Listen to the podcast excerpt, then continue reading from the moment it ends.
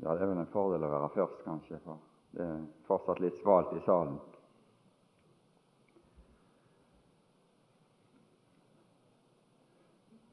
Så får vi se om det som blir sagt, hvor svalt det er. Om det, kan være litt i det òg.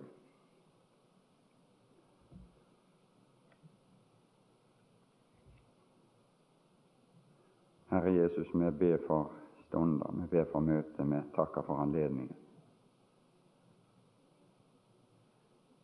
Når vi tenker ut i den store verden, så er det en ekstra nåde du har gitt oss her på disse breddegrader i disse landområder, med denne mulighet til å samles slik.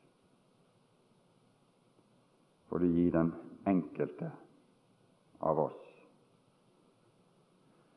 nåde og vilje og sinn til ikke å forspille denne ekstra nåde som du har gitt oss.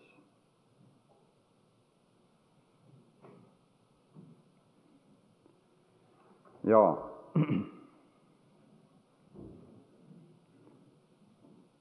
det var et uttrykk fra Judas brev, vers 20, som liksom skulle være et slags utgangspunkt for det som jeg skulle si. Da står det om, om deres høyhellige tro. De som lærer norsk på skolen, de vet at det er visse ord som kan bøyes adjektiv, som det heter. Og det ordet her, det er jo ordet 'hellig', som bare er bøyd til superlativ. Så det det helligst, helligst, deres helligste tro. Og som jeg understreka i går, eller prøvde å få fram, så er det ikke det at jeg tror som er saken her. Eller liksom det, det, det, mitt, mitt, det er min tro som sådan. Men eh, det er innholdet i det som himmelens Gud har vist fram og bedt deg omvende deg til å tro på. Det er det som han er opptatt med at vi skal bygges opp i og lære innholdet i vår tro å kjenne. At vi som troende skal lære innholdet i det som vi tror på, å kjenne. Det skulle jo være opplagt at det skulle vi være interessert i, men det er visst ikke alltid så opplagt. Det er mange andre uttrykk i dette brev som egentlig dreier seg om det samme, alt fra vers 2. Ja, vi kunne jo godt begynt i vers 1 for den saks skyld, når det står om 'elsket i Gud Fader'. For kjærlighet er hele det, det vesenet, hele de egenskaper som eh, er disse grunnleggende egenskapene i Gud. Og så Det er fordi at Gud er kjærlighet. Det er derfor vi er samla, og det er derfor vi har denne høyhellige tro. Uten denne egenskapen Gud, så vet jeg ikke hvor vi hadde vært. Miskunn og fred og kjærlighet. Det er alle egenskaper med Gud. Hvordan blir disse egenskapene Gud meg til del? Hvordan? Hvordan er det Gud kjem meg i, som menneske i denne verden? Som en etling av en fallen mann, som en synder. Hvordan er det Gud kommer meg i møte med disse egenskaper? Miskunn, fred, kjærlighet. Han kommer meg i møte ved det som betegnes de høyhellige ting. Hvis du leser Det gamle testamentet, i 2. Mosebok f.eks., eller 3. Mosebok, så kan du lese om gjenstander og om offer og om tjenester, om forskjellige slike ting som kalles for høyhellige. Vi har ordet 'vår felles frelse'. Hvordan er det Gud kjem meg i møte med frelse? Det er gjennom og ved de høyhellige ting. Vi har uttrykket Guds nåde i vers 4. Hvordan er det at, at, at Gud kommer meg i møte som en nådig Gud? Det er åpenbart. Gud i nåde er åpenbart og gjort tilgjengelig for meg og for oss alle ved de høyhellige ting. Du kan lese sjøl, som jeg sa, i, i, i annen og tredje Mosebok f.eks. Du kan jo ta deg tid en gang og lese gjennom det. Du kan sløyfe litt annet en kveld. Du kan sløyfe fjernsynet en kveld, og så tar du og leser igjennom eh, annen Mosebok og tredje Mosebok, for så finner disse uttrykkene, de høyhellige ting. Det er med, I forbindelse med gjenstander, med offer, med tjeneste i tabernaklet, så er de, er de omtalt. Vi kan ikke ta tid til det her nå.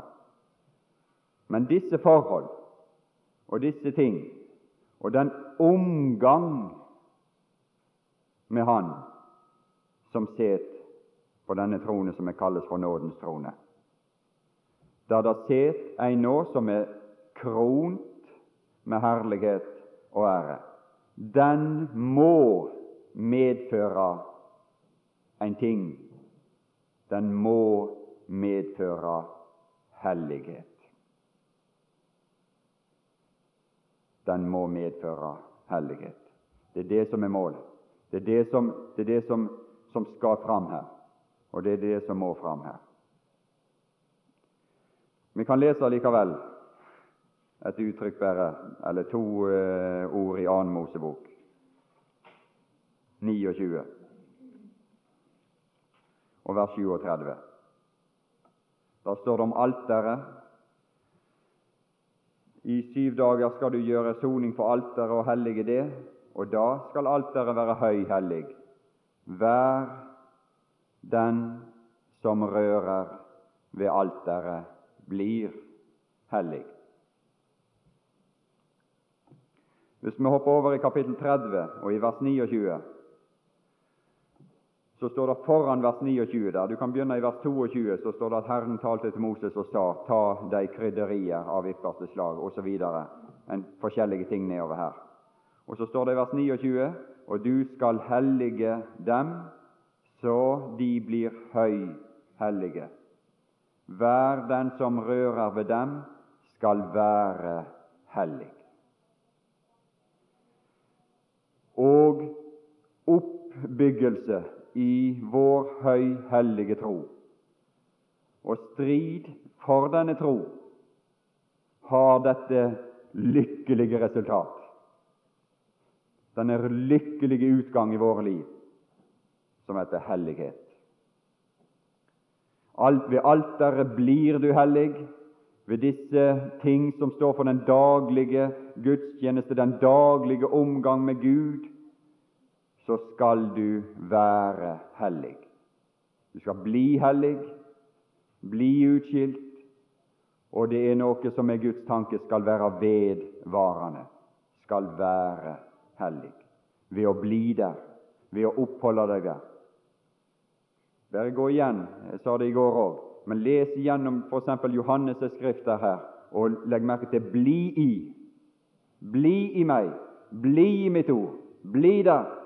Han er ikke fornøyd med at du kom liksom en gang, men du må bli der, oppholde deg der, være der. For det er helt vesentlig for dette resultat hellighet. Alle disse ting, alt dette her, det samles i grunnen i dette ordet som har med Guds nåde her å gjøre.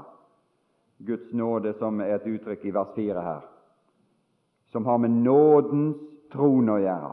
Og der, sier Hebreabrevet 2, der set nå Jesus kronet. Det er òg et uttrykk som har med kongemakt å gjøre. Det ble nevnt i går. Det var ikke så ofte det ble, ble brukt i, i, i, i brevene. Men her er et uttrykk som, som har med kongemakt og autoritet å gjøre. Han sitter kronet det er et uttrykk for kongelighet med herlighet og ære. Er det slik vi kjenner Han? Er det slik du kjenner Han? Er det slik du kjenner Jesus? Er det som vår Herre?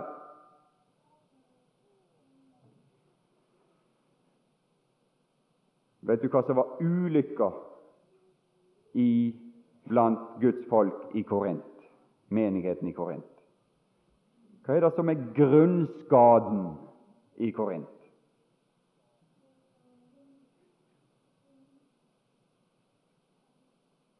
Det var at de ikke kjente han slik. Det er det som er grunnskaden.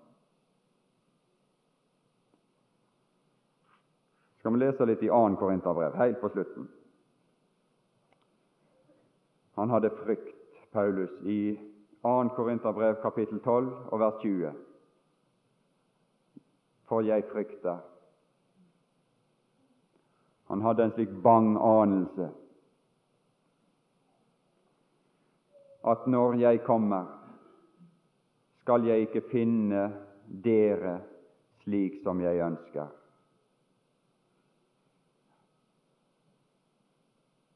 Han fant ikke tilstandene der slik som han ønska.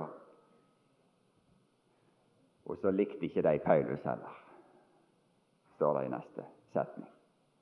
Denne Paulus Det var så ubehagelig å komme i møte med Paulus. Hvorfor var det det?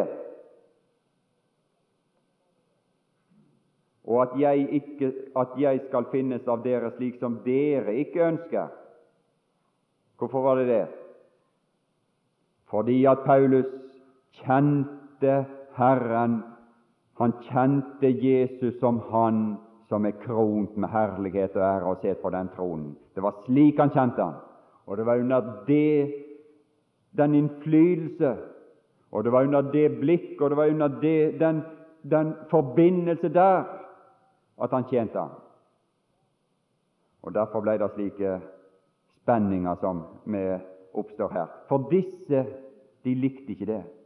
De ville ikke ha det slik. Og så var det forskjellige ting der. Kiv, avvind, vrede, stridigheter, baktalelser, sladder, oppblåsthet, uorden. Hva er botemiddelet mot alle de uttrykkene som var oppramsa der? Hva er botemiddelet mot det? Hvordan kan den type ugras lukes vekk fra meg og deg og vårt liv? Det er bare én måte, og det kan du lese i Hebreabrevet 12. Jeg vil ikke liksom sitere direkte her, eh, det her nå. Du kan lese det i Hebreabrevet 12. Sjå til, brød, at ikke noen av dere går vik tilbake ifra Guds nåde, ifra denne trone, ifra den innflytelse, ifra Han som set kront med herlighet og ære på nådens trone, for at Hvorfor det? For at ikke disse vokster, disse ugras, skal vokse opp for at ingen bitterrot skal vokse opp og volde men. Og mange blir smittet. Det, har, det er dette som har smitteeffekt. Det er dette som vil bre seg. Og i neste omgang så har du enda verre ting der i Hebreabrevet 12. Det er botemiddelet. Det er slik vi kan få vekk disse ting. Og, og, og, det var disse ting, og det var denne Guds nåde, denne Guds nådes herlighet, som Paulus kom til med de. Og det var det som skulle til for å ordne opp i disse saker her. Men de syntes ikke det var så kjekt, de. At når jeg kommer, skal min Gud atter ydmyke meg hos dere, og jeg skal komme til å sørge over mange av dem som før har syndet, og ikke har omvendt seg fra den urenhet og utukt og skamløshet som de har drevet. Ordet utukt går langt utover det som har med det rent sånn kjødelige, konkrete å gjøre. Det har med ei ånd å gjøre. Det står tale om ei utuktsånd. Det har noe med et sinn å gjøre, som, og det har noe med vår tanke å gjøre, som blir fravendt, så det står her i kapittel 11 og vers 3 at jeg frykter for at like som slangen dåret Eva med sin list, således skal også deres tanker forderves og vendes bort fra den enfoldige troskap imot Kristus. Tankelivet blir fordervet. Ja, det er nå tredje gang jeg kommer til dere ved to og tre vitners ord, skal enhver sak stå fast. Også i vers 4 her, 13,4. For blev han den korsfestet i skrøpelighet, blev han enn korsfestet i skrøpelighet, så lever han dog i Guds kraft. Og det var denne kraften de kjente når Paulus bekjente dem, som utgikk ifra ham. Jeg kjenner Har vi òg kjent Kristus etter kjødet, så kjenner vi Han dog nu, ikke lenger således. Men han kjente Han ifra tronen. Og han, han, det var han, den han tjente, han den som satt på tronen.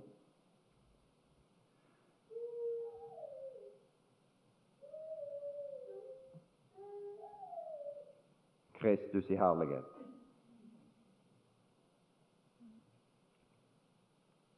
Og i Jakobs brev, i kapittel 2 og vers 1, så står det at mine brødre, la ikke deres tro på vår Herre Jesus Kristus den herliggjorte. La ikke deres tro på vår Herre Jesus Kristus, den herliggjorte, være forent med at dere gjør forskjell på folk. Det er visse ting som ikke kan forenes med å kjenne Kristus i herlighet. Det lar seg ikke forene med det. Her var en slik ting. Det kunne ikke forenes med det. Og det er dette Kristusbildet, det er denne Kristusskikkelse, som Judas er opptatt med å gjeninnføre i denne menighet, der dette bildet er blitt revet ned. Han er opptatt med å gjeninnføre det. Han er opptatt med å berge noen ut og inn til, det, til dette bildet. Han har ingen illusjoner, Judas, om at dette skal lykkes for alt Guds folk. Ingen illusjoner. Overhodet ikke. Han er glad hvis noen I vers 22 noen skal det tale til rette, og i vers 23 andre skal dere frelse. Han har ingen illusjoner om dette, at dette vil lykkes liksom sånn totalt. Det er målet, selvsagt. Alle. For at alle mennesker er jo målet, som eh, ble så kraftig framlagt i går ettermiddag. Alle mennesker. Men her er ingen illusjoner om det. Verden for Kristus er nok målet som det står ut på veggen her.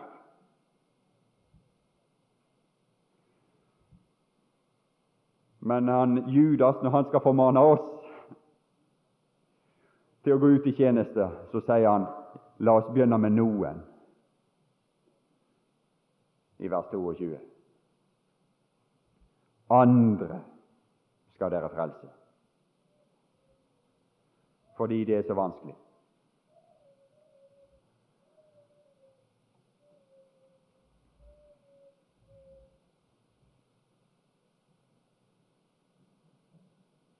for ødeleggelsen av Guds hus var allerede kommet ganske langt. Vi leste i, i Judas brev og vers 4 for noen mennesker har sneket seg inn. Apostlene hadde sagt at dette skulle skje. Paulus hadde sagt at dette skulle skje. Peter ble det lest ifra her, hadde sagt at dette skulle skje i, i uh, 2. Peter 1, eller 2.1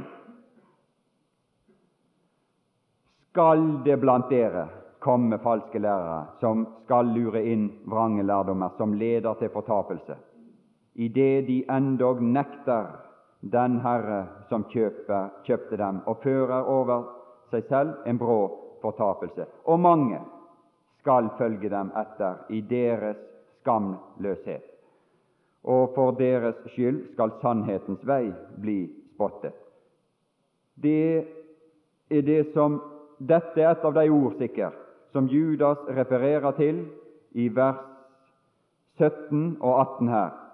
Men dere elskede, kom i hu de ord som forut er talt av vår Herre Jesu Kristi apostler, hvorledes de sa til dere at det i den siste tid skal komme spottere som farer frem etter sine ugudelige lyster. Og så sier han i vers 4.: For noen mennesker har sneket seg inn. De er kommet allerede. Og disse, disse mennesker de blir referert til videre her som disse, disse er, disse gjør, disse osv. De er kommet inn. Og de kommer inn, og vi kan oppleve det som et sjokk at de kommer inn. Og de troende og menigheten opplever det som et sjokk å oppdage slike ting. Og Ofte oppdager de det for seint, når skaden er gjort, og mange er blitt, blitt, blitt ødelagt ved deres virksomhet. Det kommer som et sjokk at det kan være slike gudsfolk. Det er noe som ikke vi vil tro. Men det kommer ikke som et sjokk på Gud. For han har sagt det for lenge siden, står det her. For lenge siden, som denne dom allerede for lenge siden er oppskrevet for ugudelige. Det er ingen sjokk for Gud, disse tilstander. Nå blir det brukt veldig kraftige uttrykk, veldig saftige uttrykk, veldig skarpe farger når det blir beskrevet nedover her. Men det, er slik det må. Det må vel til slik for å få fram saken. Det er av og til disse her som tegner, disse, så, disse som, som, tegner ting, som framstiller ting. For å få fram selve saken så bruker de skarpe farger, så bruker de skarpe streker for å få fram selve saken. Det er det som er viktig. Som, er, som, er, er greier å, å, å, å, trekke ut det som er, er selve essensen. Som ikke liksom Så ikke dette farlige tingene blir skjult, og vi blir ødelagt. Peters advarsel og Paulus' advarsler, som du kan lese både i apostelgjerningene og i brevene hans, de er allerede et faktum. Og angrepet rettes akkurat mot det som opprettholdt eh, oss i hellighet. Det som er, er, er vår kilde, det som er, er, vår kilde til hellighet og til renhet, nemlig Guds trone, nemlig Guds nåde. Det er akkurat dit og der angrepet blir satt inn, som forvender vår Guds nåde til skamløshet og nekter vår eneste hersker og Herre Jesus Kristus. Få bort dette bildet av Han som sitter på tronen, kront med herlighet og ære med denne kongelige autoritet og majestet. Få bort dette, Herre, fra, fra, fra innflytelsen over de troendes forsamling og den enkelte troende. Vi må få bort dette, for da kan vi ta makten. Da er det andre ting som tar makten. Da er det onde ting som tar makten over våre liv. Få bort, Bryt den forbindelse, få bort den innflytelse. Skal du se. De forventer Guds nåde til skamløshet. Det var også et uttrykk som Paulus da brukte i 2. Korinterbrev 12,21. der. Skamløshet. Skamløshet. Hvis du leser litt i Jeremias, i profeten Jeremias, jeg skal ikke ta tid til det her nå, så vil du se det at, at liksom en av, av grunnskadene i det folket som Jeremias taler til, det er at de står der uten skam. Uten skam. De synder uten skam. De har ingen erkjennelse, ingen følelse, om du vil, av skam når de synder imot Gud.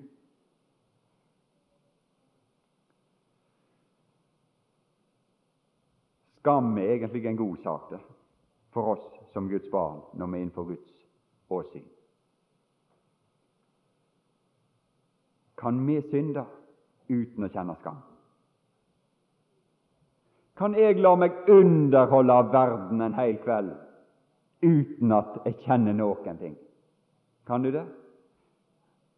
Det er mange troende som kan det. Du kan sitte hjemme i kveld og la deg underholde med pur verdslig underholdning en hel kveld i timevis uten å kjenne noen ting. Hvorfor det? Hvorfor kan de det? Hvorfor kan du det, hvis du er slik? Det er fordi at noe av denne forbindelsen her med tronen er brutt, kan du være sikker på at det er fordi. Det som du må gjøre da, da er du alvorlig ute. Hvis jeg kan gjøre det, hvis jeg kan lese nedbrytende ting som har med denne verden og denne verdens løp å gjøre, og tankegangen og hele livet Hvis jeg kan lese romaner Alt som skjer på markedet her, om de har fått Nordisk råds litteraturpris, det spiller ingen rolle. Det er verden, alt av det der. Hvis vi kan lese dette og underholde oss med dette i timevis uten å kjenne noen ting som helst, så bør vi undersøke vårt forhold til denne Guds nåde. Hvordan står det til der? Er det ingen dom? Det ingen ord som kommer derifra, der du kjenner noe?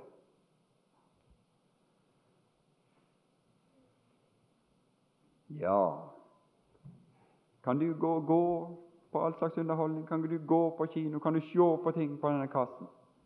All slags ting. Kan du lese all slags blader? uten å kjenne noen ting. Kan du det? Med et innhold som bare virker nedbrytende. En time. en time, ja. Det er et underlig uttrykk. der. Når Jesus sier 'kunne det ikke' Her står 'be' her ute i, i, i, i vers 20. 'Be', står det. Be. Kunne det ikke våke med meg én time. Kunne det ikke våke med meg én time? Det er uendelig lett å sitte og la seg underholde én time. Det koster ingenting. Det er uendelig lett. En time går fortere når du lar deg underholde. Om det er verdslige ting. Da går det lett. Kanskje du skulle prøve en, en, en lørdagskveld heller med en time i bønn? Prøv det hvor lett det er. Det er en del av dette arbeidet. Det er del av dette oppbyggelsesarbeid å dra seg til side og være opptatt med Han. Prøv én time. Kunne det ikke våke med meg én time, sa han. Ja, det er ikke lett. Det er ikke lett.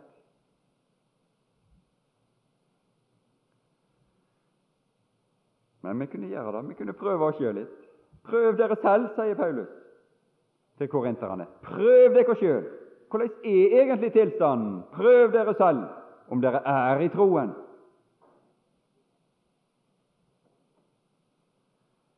Når slike ting kommer inn. Ja, ja, vi kan spandere timer, dager, måneder på å sette oss inn i all slags moderne tankegang og moderne tankebaner og moderne filosofi og, og psykologi. Vi må jo lære oss moderne menneskers livssituasjon. Vi må lære oss elendigheten i byene. Vi må lære oss elendigheten blant folk. Vi må lese og innta disse tingene her, slik at vi lærer liksom hvordan disse her folkene nå omkring oss, disse ulykkelige folkene med alle disse ulykkelige omstendigheter, hvordan de lever og tenker og handler osv. Så sånn. Det høres veldig fornuftig ut. det. Vi må jo lære oss å sette oss inn i deres situasjon, så kan vi kanskje komme dem til hjelp. Det er tankegang. Vet du hvor den tankegangen kommer fra? Den tankegangen i slekt med den tankegangen som står i vers 9 her. Men det som men det de av naturen skjønner, det er en tankegang som, som baserer seg på liksom, det er verdens måte å se det på. Det var en som sa, og mange kjenner han her Du trenger ikke å gå inn i Sodoma for å forstå hva som foregår i Sodoma. Abraham, som aldri hadde sett sine bein i Sodoma, visste mye mer om hva som foregikk i Sodoma, enn Lot som bodde der. Hvorfor det? Fordi at han hadde kontakt med tronen.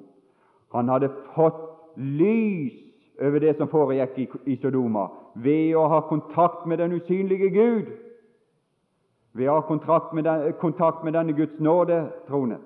Og det er slik vi kan skjønne oss på og forstå oss på disse ting og, og, og menneskene i deres ulykkelige situasjon i denne verden. Det er når vi går ut av denne verden og inn i den usynlige verden, og så begynner vi å betrakte tingene som vi ser og observerer i denne verden, ut ifra den usynlige verden. Men den veien og den måten blir spotta, så det står her i vers 10.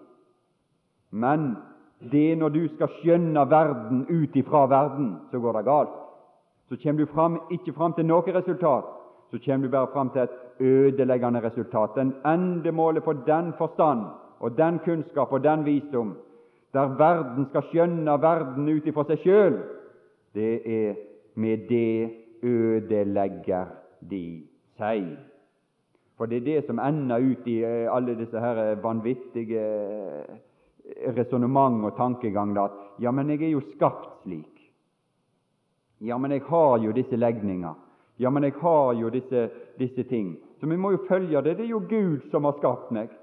Det er jo Gud som har, har nærmest lagt ned i meg all slags eh, drifter og all slags eh, eh lyster og all slags sånne ting.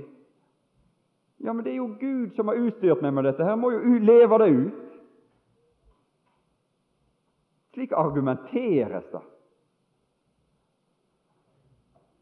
Nei, det er så litt kanskje fra Hebreabrevet 11 som forklarer hvordan vi skjønner. Hvordan skjønner du deg på ting? I Hebreabrevet 11, fra begynnelsen i Hebreabrevet 11 så står det hvordan vi kan få forstand og skjønne oss på ting i denne verden. Og da må vi inn i den usynlige verden. Vi må inn i, først i den usynlige verden. Ved tro må vi gå dit for å skjønne oss. Ved tro skjønner vi verden. Og det er ingen som har skjønt verden bedre enn disse som har, har levd mest i tro, for å si det sånn. Ved tro. De skjønte hva som foregikk. Abraham skjønte hva som foregikk ved tro. Noah skjønte hva som foregikk i verden ved tro. Ved opplysning ifra den usynlige verden så skjønte de hva som foregikk i denne verden. Og så kunne de bli slike som, som, som kunne være et vitnesbyrd i denne verden, og så være med å dra en annen ut ifra fordervelsen og ødeleggelsen i denne verden. Det er det som er den tjeneste som, som kan komme ut som en frukt av vår oppbyggelse på den høyhellige tro. Og dette å be i Den hellige ånd, som det står her i vers 20, og holde oss således i Guds kjærlighet mens vi venter, osv. Så, så kan disse ting kanskje være med å istandsette oss til noen grad til å være med i en tjeneste og tale noen til rette fordi de tviler, og frelse noen ut av ilden.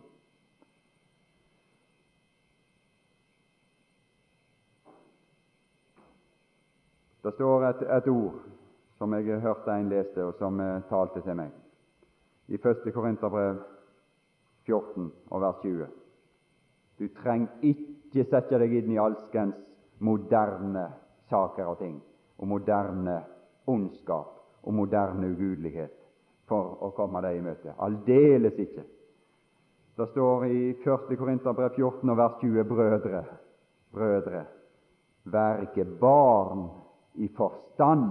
Og den forstand og den visdom og den det som Paulus tenker på her, det er den forstand som du kan hente innenfor Guds nådes trone når du har steget inn i den verden, i den usynlige verden. Vær ikke barn i forstand, men vær barn, vær umyndige, vær uvitende i ondskap. Ja, vi behøver ikke sette oss ned og begynne å studere ondskap. Det er ingen oppfordringer i Skriften. Det står riktignok at vi ikke er uvitende om hans tanker når det gjelder den onde, men setter seg ned og begynner å studere ondskap. Det har vi ingen oppfordringer til. Men vær ikke barn i forstand, men vær barn uvitende helt. Vi trenger ingenting av det i ondskap. Far ikke vil, sier han i kapittel 15 og vers 33. Far ikke vil, dårlig omgang forderver gode seder. Våkne opp for alvor, og synd ikke. Hva er problemet? Hva er problemet? For somme har ikke kjennskap til Gud. De kjenner ikke denne Guds nåde. De kjenner ikke den Gud som sitter på denne nådens trone. De kjenner ikke denne majestet. Det er det som er da ulykka her i denne menighet i Korint, og som førte til alle disse her utskeielser som vi ser her, og alle disse avarter som vi ser iblant disse Guds barn i Korint, fordi de har ikke kjennskap til Gud, til skam for dere, sier jeg det. Ja, det er vi som får skammen. Til skam for Gud. Ja, det kan hende Guds navn blir spotta for vår skyld, som det sto her. Det kan hende, men Gud sitter ikke igjen med noe skam. Han skal aldri ha noe skam. Han har ingen skam. Vi kan tenke av og til da at, at, at det er skam for Gud. Vi sier av og til at barn er en skam for sine foreldre. Vi kunne tenke det at Guds barn var en skam for Gud. Men han er i stand til å bevare sin ære, han, sin herlighet. Så skammen kommer aldri å bli Guds, men det blir vår. Vår blir skammen. Det er det Moses sier i 2. Mosebok 32, vers 65. Gud sitter ikke igjen med skammen, men de har skammen. Og i Jeremias kunne vi kanskje lese et ord i vers 7, kapittel 7, mener jeg.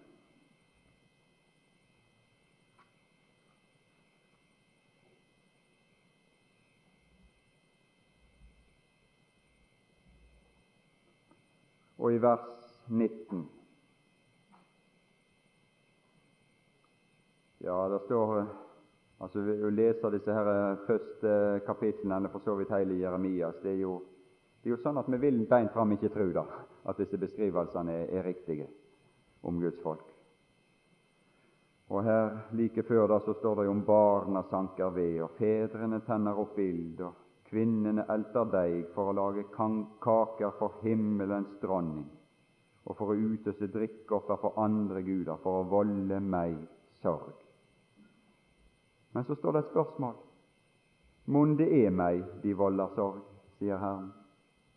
Mon det er meg de volder sorg? Mon ikke seg selv. Tror ikke du Han som sitter på tronen, i stand til å ta vare på sin ære og sin stilling og sine forhold? Han skal aldri gå ut med tap. Aldri. Det er vi som står igjen med tapet. Det er vi som står igjen med sorgen. Det er vi som står igjen så deres ansikter skal rødme av skam. Det er vi som sitter igjen med skam. Det er ikke han. Det som kan gjenopprette disse ting, det som kan, kan få orden på disse ting, det som kan sette alle disse ting i rette skikk, det er når du og meg begynner å trakke denne vei inn til nådens trone igjen. Det er når vi begynner å gå denne, denne vei inn og søker denne vei inn på Guds trone. Det er, da, det er der skammen blir tatt bort, og det er der det kan bli noe av dette verdifulle resultat som har med renhet og hellighet å gjøre. Renset, som det står i Hebreabrevet 10 igjen, der, der, der det kjente ordet at i Jesu blod så har vi frimodighet, brødre, til å gå inn i helligdommen, som Han har innvidd oss en ny og levende vei gjennom forhenget, det er Hans kjød. Og da vi har en stor prest over Guds hus, så la oss tre det fram. Tre det fram. Det er et nøkkelord i forbindelse med tro. Å tre det fram der. Det, det, det er selve ordet i forbindelse med tro, det å tre det fram. Se i kapittel 11 og i vers 6. Uten tro er det umulig å tekkes Gud, for den som treder fram for Gud, må tro at Han er til, og at det er noe å oppnå der. Og det kan du skrive opp at det er. Og at han lønner han lønner den som søker Han. Det er noe å oppnå der. Det er noe å oppnå for deg ved å tre deg fram dit og fram til denne trone. Så la oss i 10.22 så la oss trede fram med Sandru-hjertet i troens fulle visshet, renset for hjertene fra en ond samvittighet og tvettet på legemet med rent vann. Renselse, renhet, hellighet. La oss trede fram der. Dette er, den, dette er den vei. Den vei som er beskrevet her, det er troens vei. Det er, der, det, det er denne vei den troende går for å bli oppbygd i sin høyhellige tro. Da går vi den veien og treder fram for Gud. Det sto, eh, sto her altså i, i, i, kapittel 10 og vers 6 at den som treder frem for Gud, må tro at han er til, og at han lønner dem som søker Han. Kast ikke bort, står det i 10.35. Kast ikke bort denne frimodighet til å trede fram for nådens trone, som har stor lønn. Kast ikke bort den frimodighet. Det har lønna seg å benytte seg av frimodigheten til å trede inn og gå inn i helligdommen, for den har stor lønn. Det lønner seg. Det er noe å oppnå der. Og så står det beskrevet andre ting her om å dra seg tilbake fra den vei, om å dra seg unna den vei, om å trekke seg unna den innflytelse ifra nådens trone. Men vi er ikke av dem som unndrar seg til fortapelse.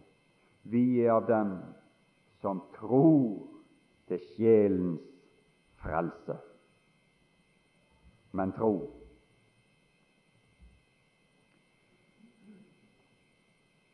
Uten tro, står det i vers 6, uten tro er det umulig å tekkes Gud. Vet du hva Gud gjør med det som er uten tro? Det skal vi også lese i Judabrev. I Judabrevet i vers 5 så står det hva Gud gjør med det som ikke er av tro. Han ødelegger det. Det blir ødelagt. Han frelste alt folket ut av Egypten. Så står det siden ødela han den som ikke trodde. Han ødela dem. De som drog seg unna innflytelsen ifra himmelen og budskapet ifra himmelen, de unndro seg til ødeleggelse. Men vi er av dem. Ja, det håper jeg med. Du er vel blant dem som søker dette, som søker inn der. For å få opplysning, for å få forstand der inne. For å skjønne noe. Men tro er full visshet om det som håpes, overbevisning om ting som ikke ses. Det er ikke noe skjerm, det er ikke noe blader, det er ikke bøker. Det er ikke, det er ikke slike sanselige forhold som kan gi oss opplysning om disse ting, som ikke ses. For på grunn av den fikk de gamle godt vitnesbyrd. Ved tro skjønner vi. Du får forstand av å tro.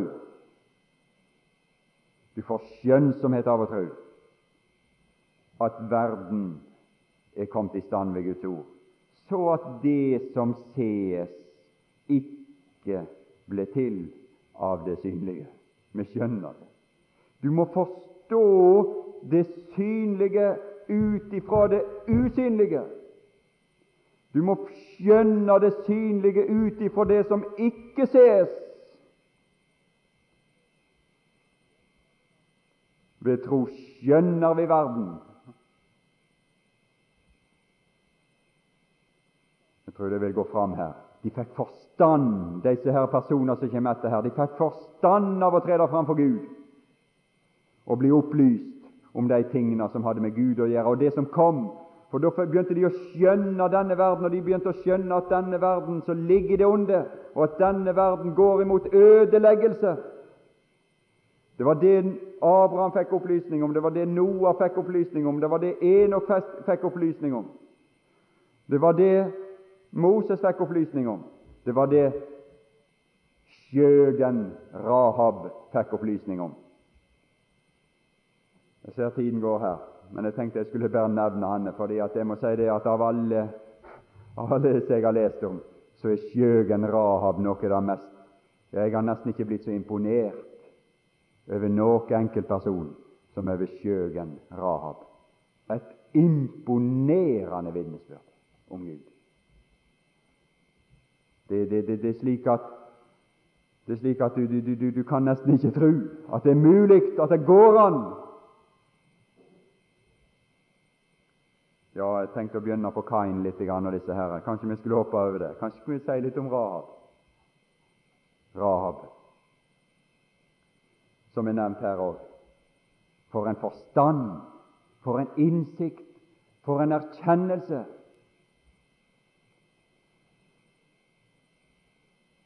Ved tro unngikk skjøgen Rahab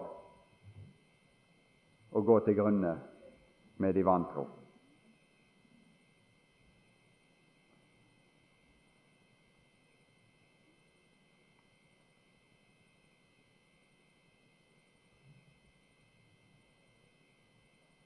Skjøgen Rahab er også nevnt i Jakobs brev, som tar opp et forhold som kalles for død tro. Det er brukt en sammenligning i Jakobs brev i kapittel 2 og vers 26. Der står det for like som legeme. Hva er det? Det er det synlige.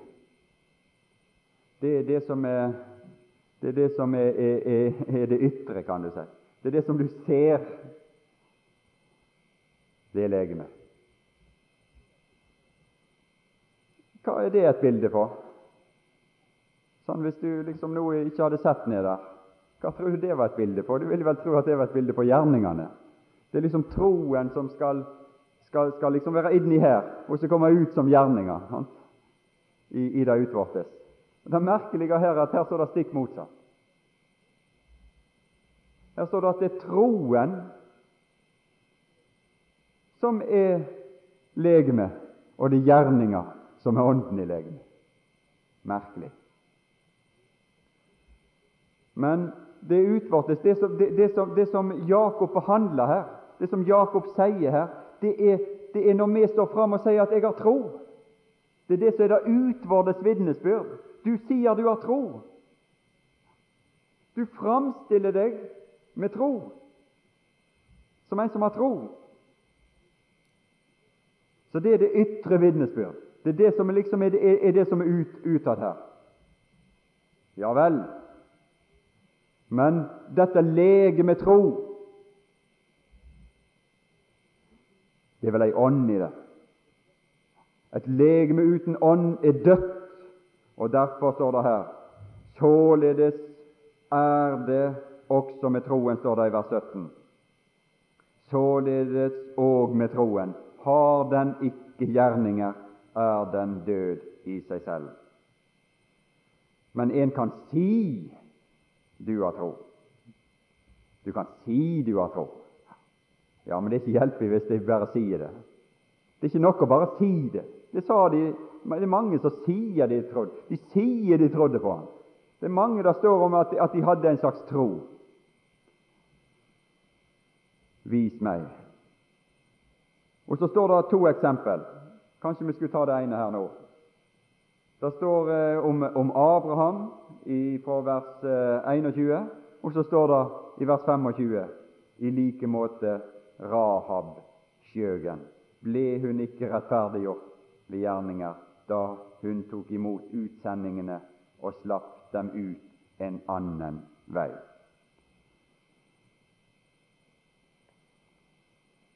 Hvor er det står om dette? Er det Josva?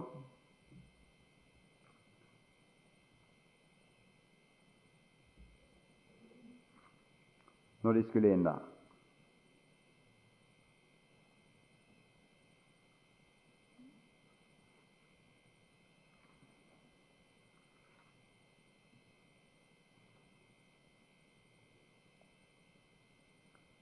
Jeriko var jo en by som Gud hadde dømt.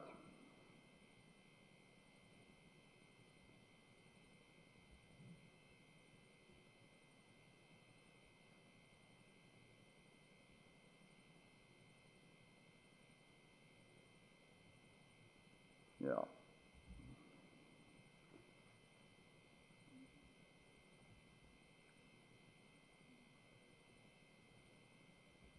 Det står jo om, eh, om det, det, det, som skjedde med Jeriko i, i, kapittel 6, men vi, vi leste her i kapittel 2, når de kom, disse speiderne.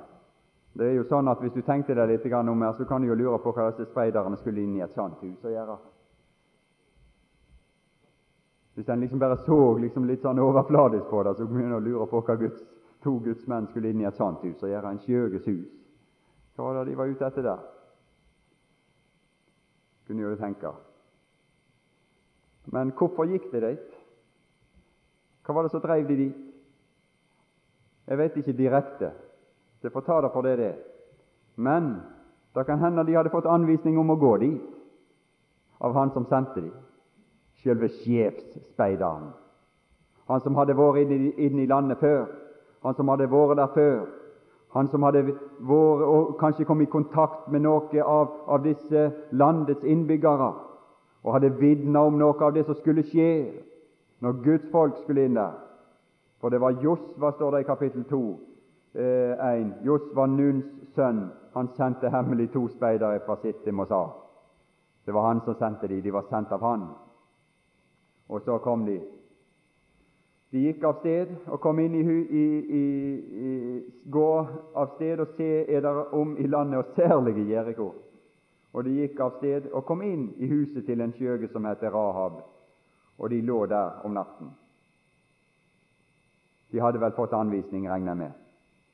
Det kan være det, og det er ting som tyder på det her når du leser videre, at denne kvinna tidligere hadde hørt Josvas og speiderens vitnesbyrd om en Gud. Alt tyder på det her. Og så hadde det, det gått denne tid imellom, og så hadde denne kvinne hatt et vitnesbyrd ute iblant folket i Jeriko, at hun trodde. Hva var det hun trodde på? Hun trodde på en Gud.